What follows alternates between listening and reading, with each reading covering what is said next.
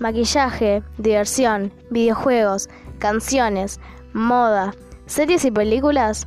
Mucho más acá, en Diversión y Entretención. Seguime para más episodios.